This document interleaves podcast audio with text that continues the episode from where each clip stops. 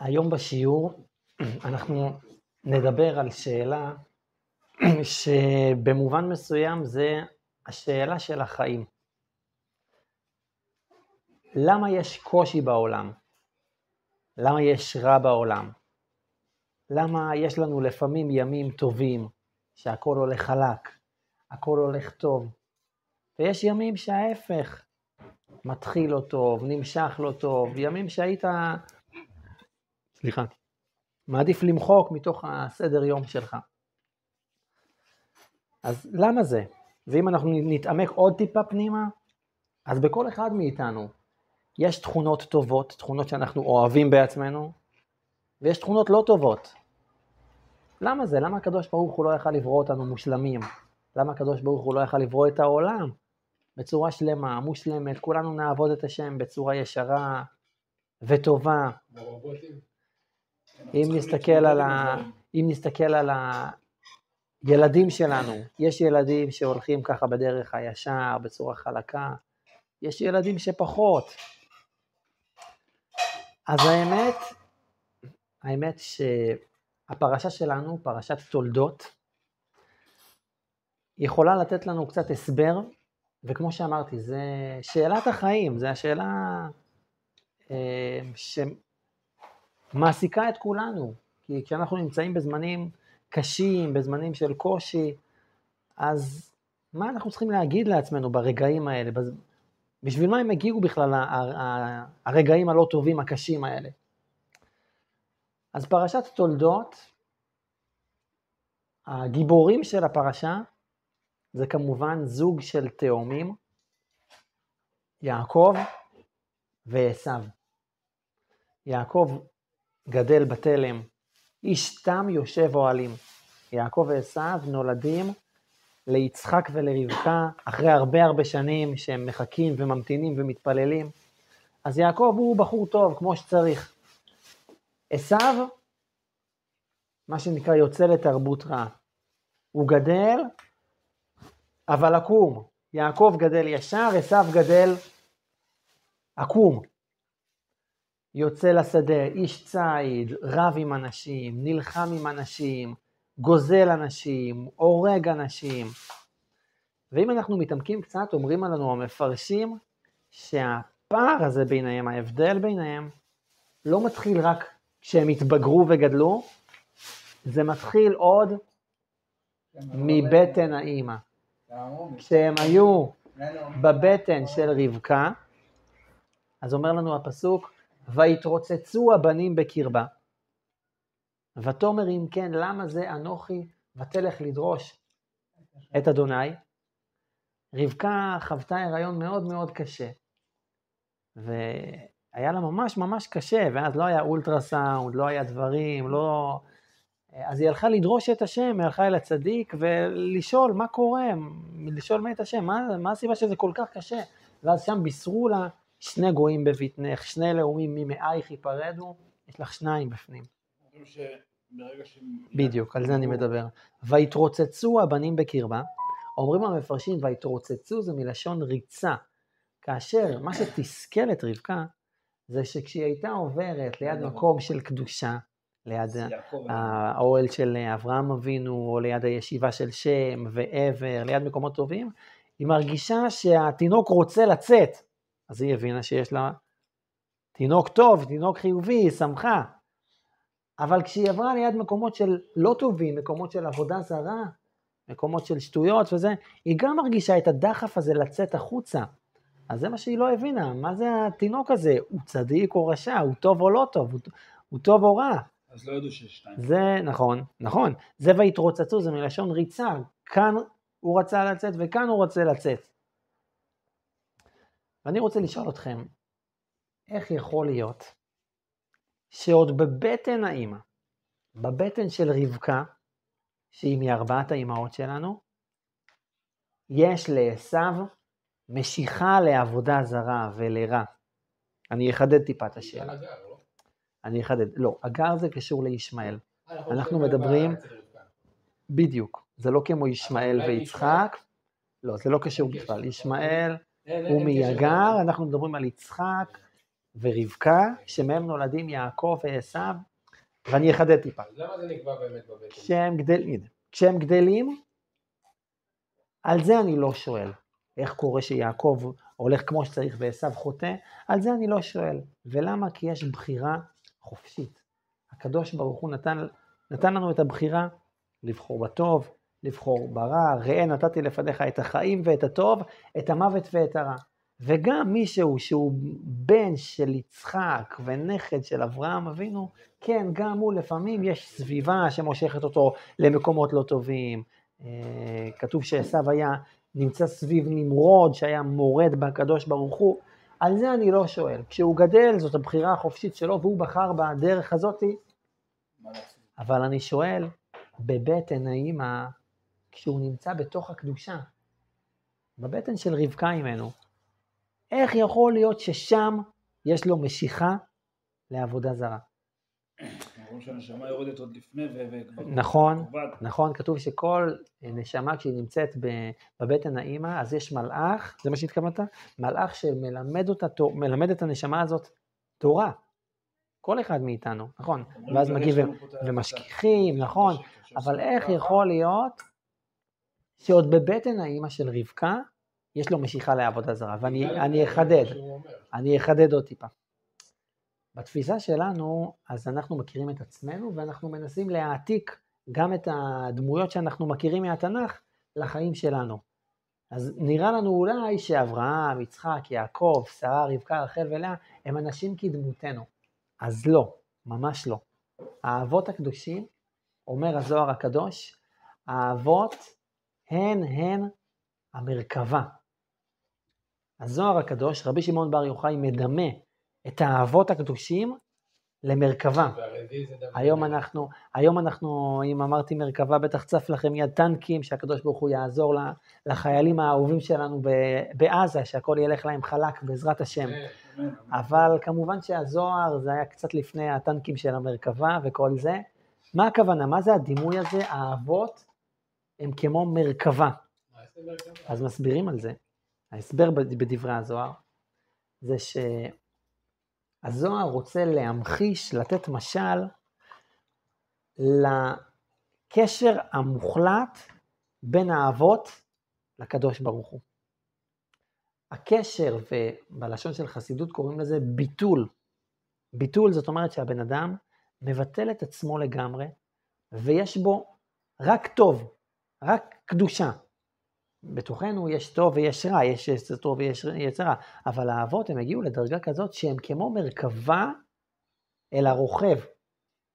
המרכבה, אם יש סוס ועגלה, סוס ומרכבה, ויש את הרוכב שדוהר ביחד איתם. אז הסוס ממושמע אל רצון הרוכב. אבל למה הוא ממושמע? למה הוא נוסע קדימה? כי בסוף הוא יודע שאם הוא יעשה את זה, יקבל אוכל כשהוא יבוא למחוז חפצו. אז זאת אומרת, הוא ממושמע, אבל יש לו איזשהו אינטרס כביכול. המרכבה, למה היא ממושמעת? זה בכלל לא שאלה, זה דומם, בטח שהיא ממושמעת. זה משל לקשר בין האבות אל הקדוש ברוך הוא. האבות הצליחו להפוך את המהות שלהם, את הגוף שלהם, את כל כולם, את כל הרצונות שלהם, את כל המאוויים שלהם, לחלוטין אל הקדוש ברוך הוא. הם היו כמו מציאות אחת עם הקדוש ברוך הוא. אז התאומים האלה, יעקב ועשו, נולדים מקדושה מוחלטת מיצחק ומרבקה. איך יכול להיות שבבטן האימא, ושוב, אני לא שואל על ה... כי הוא גדל ויש בחירה חופשית, עוד בפנים הוא עטוף בקדושה, הוא מרכבה, הוא חלק מהמרכבה העליונה. אז איך יכול להיות ששם יש לו משיכה אל העבודה זרה? אה, כי היה צריך להוציא את הגבורה ממנו. וזה ייגמר, ויעקב היה תפארת, שהוא סיים את ה... ניגע בזה עוד מעט. הרמב"ם, יש לו, אה, אחד החיבורים המפורסמים שלו, זה נקרא שמונה פרקים לרמב"ם. זה שמונה פרקים של אה, דברי מוסר שהרמב"ם מלמד אותנו.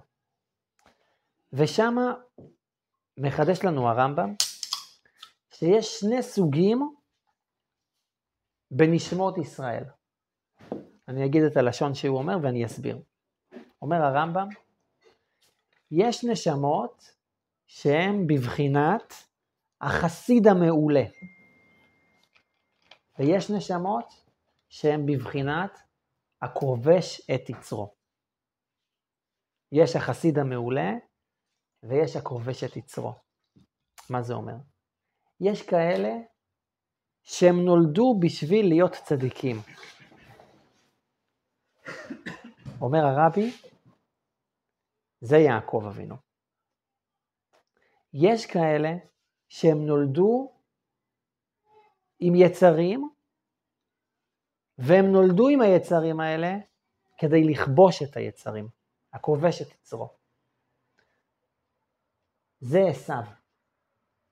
יעקב ועשיו נולדו, והם נולדו, והם היו אמורים להיות כמו אב טיפוס, כמו מקור השראה אל שני הסוגים האלה בעם ישראל.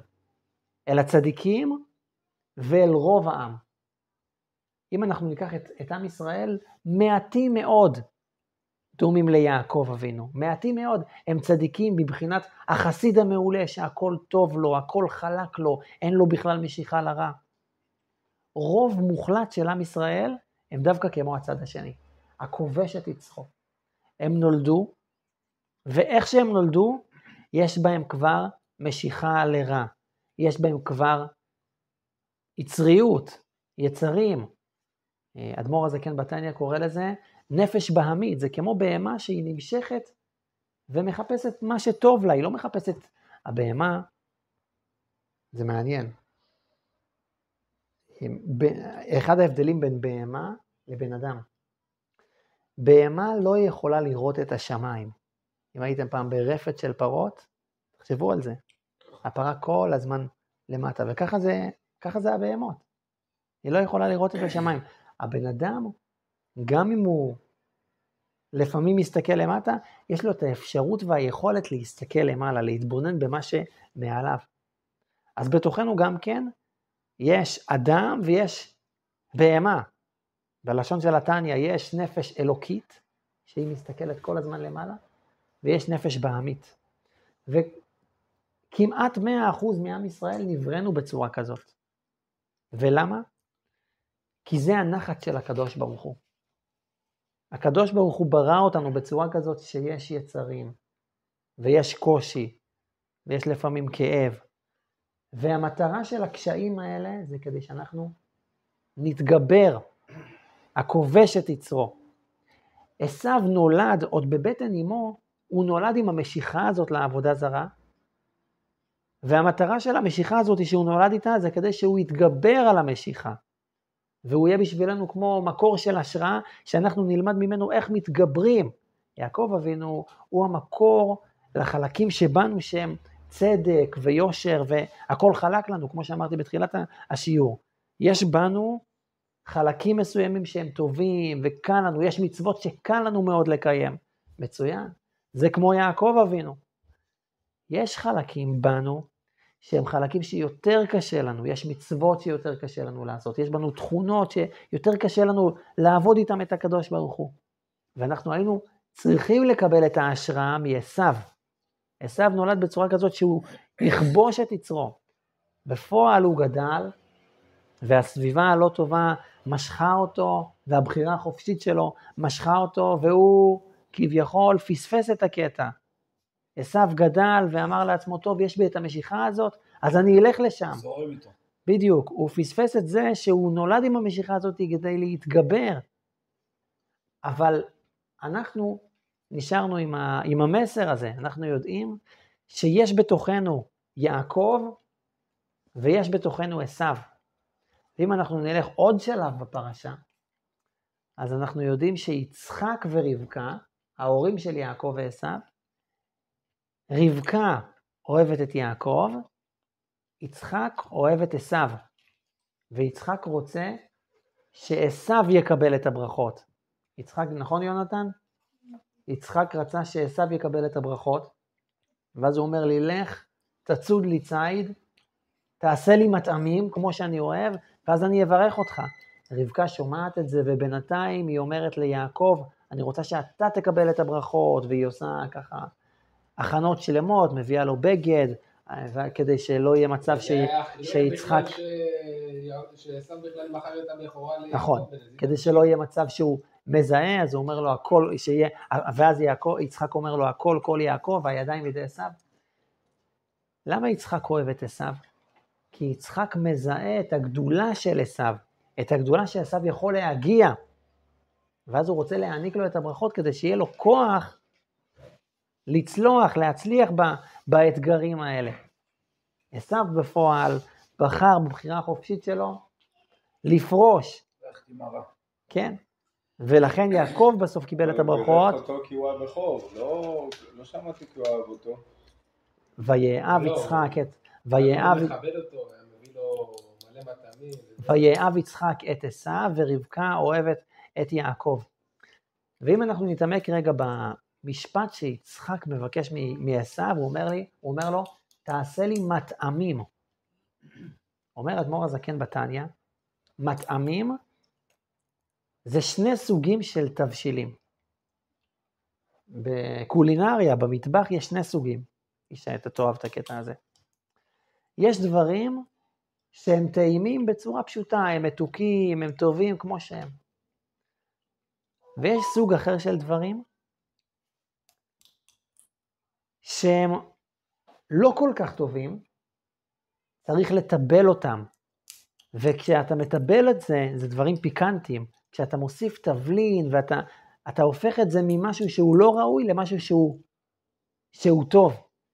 אני אקרא לכם את זה מבפנים, בלשון של אדמו"ר הזקן. בתניא פרק כ"ז.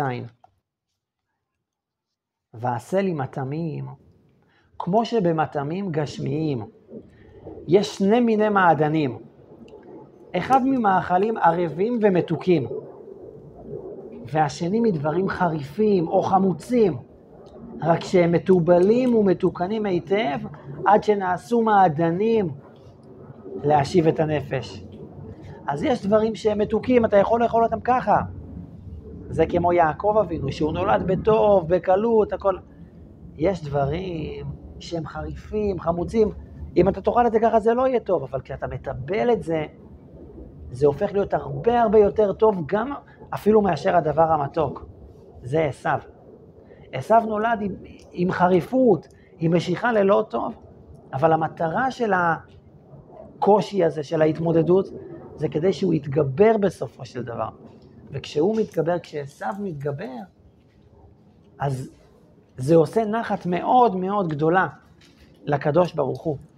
אדמו"ר הזקן בתניא כאן מדבר על זה שכולנו, אנחנו נבראנו בעצם כמו עשיו, ואנחנו, אין לנו רק קדושה, יש בנו גם טוב, אבל גם רע, והמטרה של הרע זה כדי שאנחנו נתגבר. וכשאנחנו מצליחים להתגבר על, ה, על הרע ולכבוש את יצרנו, זה עושה תענוג מאוד מאוד גדול לקדוש ברוך הוא. זאת אומרת, לקדוש ברוך הוא יש שני סוגי תענוגים. הקדוש ברוך הוא יש לו שני סוגים של כיף. הקדוש ברוך הוא נהנה מהצדיקים שהם ישרים ותמימים כמו יעקב אבינו, אבל לא פחות מזה ואפילו יותר מזה, הוא נהנה מהרגעים האלה שיש לנו קושי ואנחנו מתגברים. אנחנו נמצאים בזמנים או בתקופות או, ב, או בתכונות שבנו, שיש, שאנחנו לא, לא ממש כמו שצריך ומתגברים, זה עושה לקדוש ברוך הוא את הנחת הכי הכי גדולה. אז אני חושב שטוב מאוד שאנחנו נזכור את זה. אז למה הוא בירך אותו? הרי הכל כל יעקב ועדיין ידי עשיו. הוא ידע שזה לא עשיו. שהוא מברך לא, את לא, הוא יעקב. חשב שזה עשיו. בסופו לא של הוא דבר, הכל כל יעקב ועדיין ידי עשיו. בסופו הוא של ידע. דבר, הוא גנב את הברכה, אבל בידיעה. בסופו של דבר, בסוף גם אבל אחר כך יצחק אה, גילה שהוא מכר לו מלכתחילה בנזיד עדשים, ואמר, אה, את מכרת את הבכורה, נכון. לא מגיע לך בכלל. בסופו של דבר, גם הדרך לתקן את עשיו עוברת דרך יעקב. בגלל שיעקב הוא איש תם יושב אוהלים, אז דרך הלימוד תורה שלו, כמו שאנחנו עכשיו לומדים תורה, יש ליעקב את האפשרות לתקן את עשיו. זאת אומרת, יש אפשרות לברך את עשיו, והברכות יעזרו לעשיו לתקן, אבל זה לא היה מספיק טוב, כי עשיו בחר ברע, הוא לא... אז הדרך לתקן את עשיו בסופו של דבר עוברת דרך ה- הברכה ליעקב. לחיים, חברים. כשיש לנו רגעים קשים, או כשאנחנו מזהים בתוכנו תכונות ככה שהיינו שמחים לוותר עליהם, נזכור ונדע ש- שההתגברות הזאת, זה הדברים שעושים את הנחת הכי הכי גדולה לקדוש ברוך הוא. לחיים.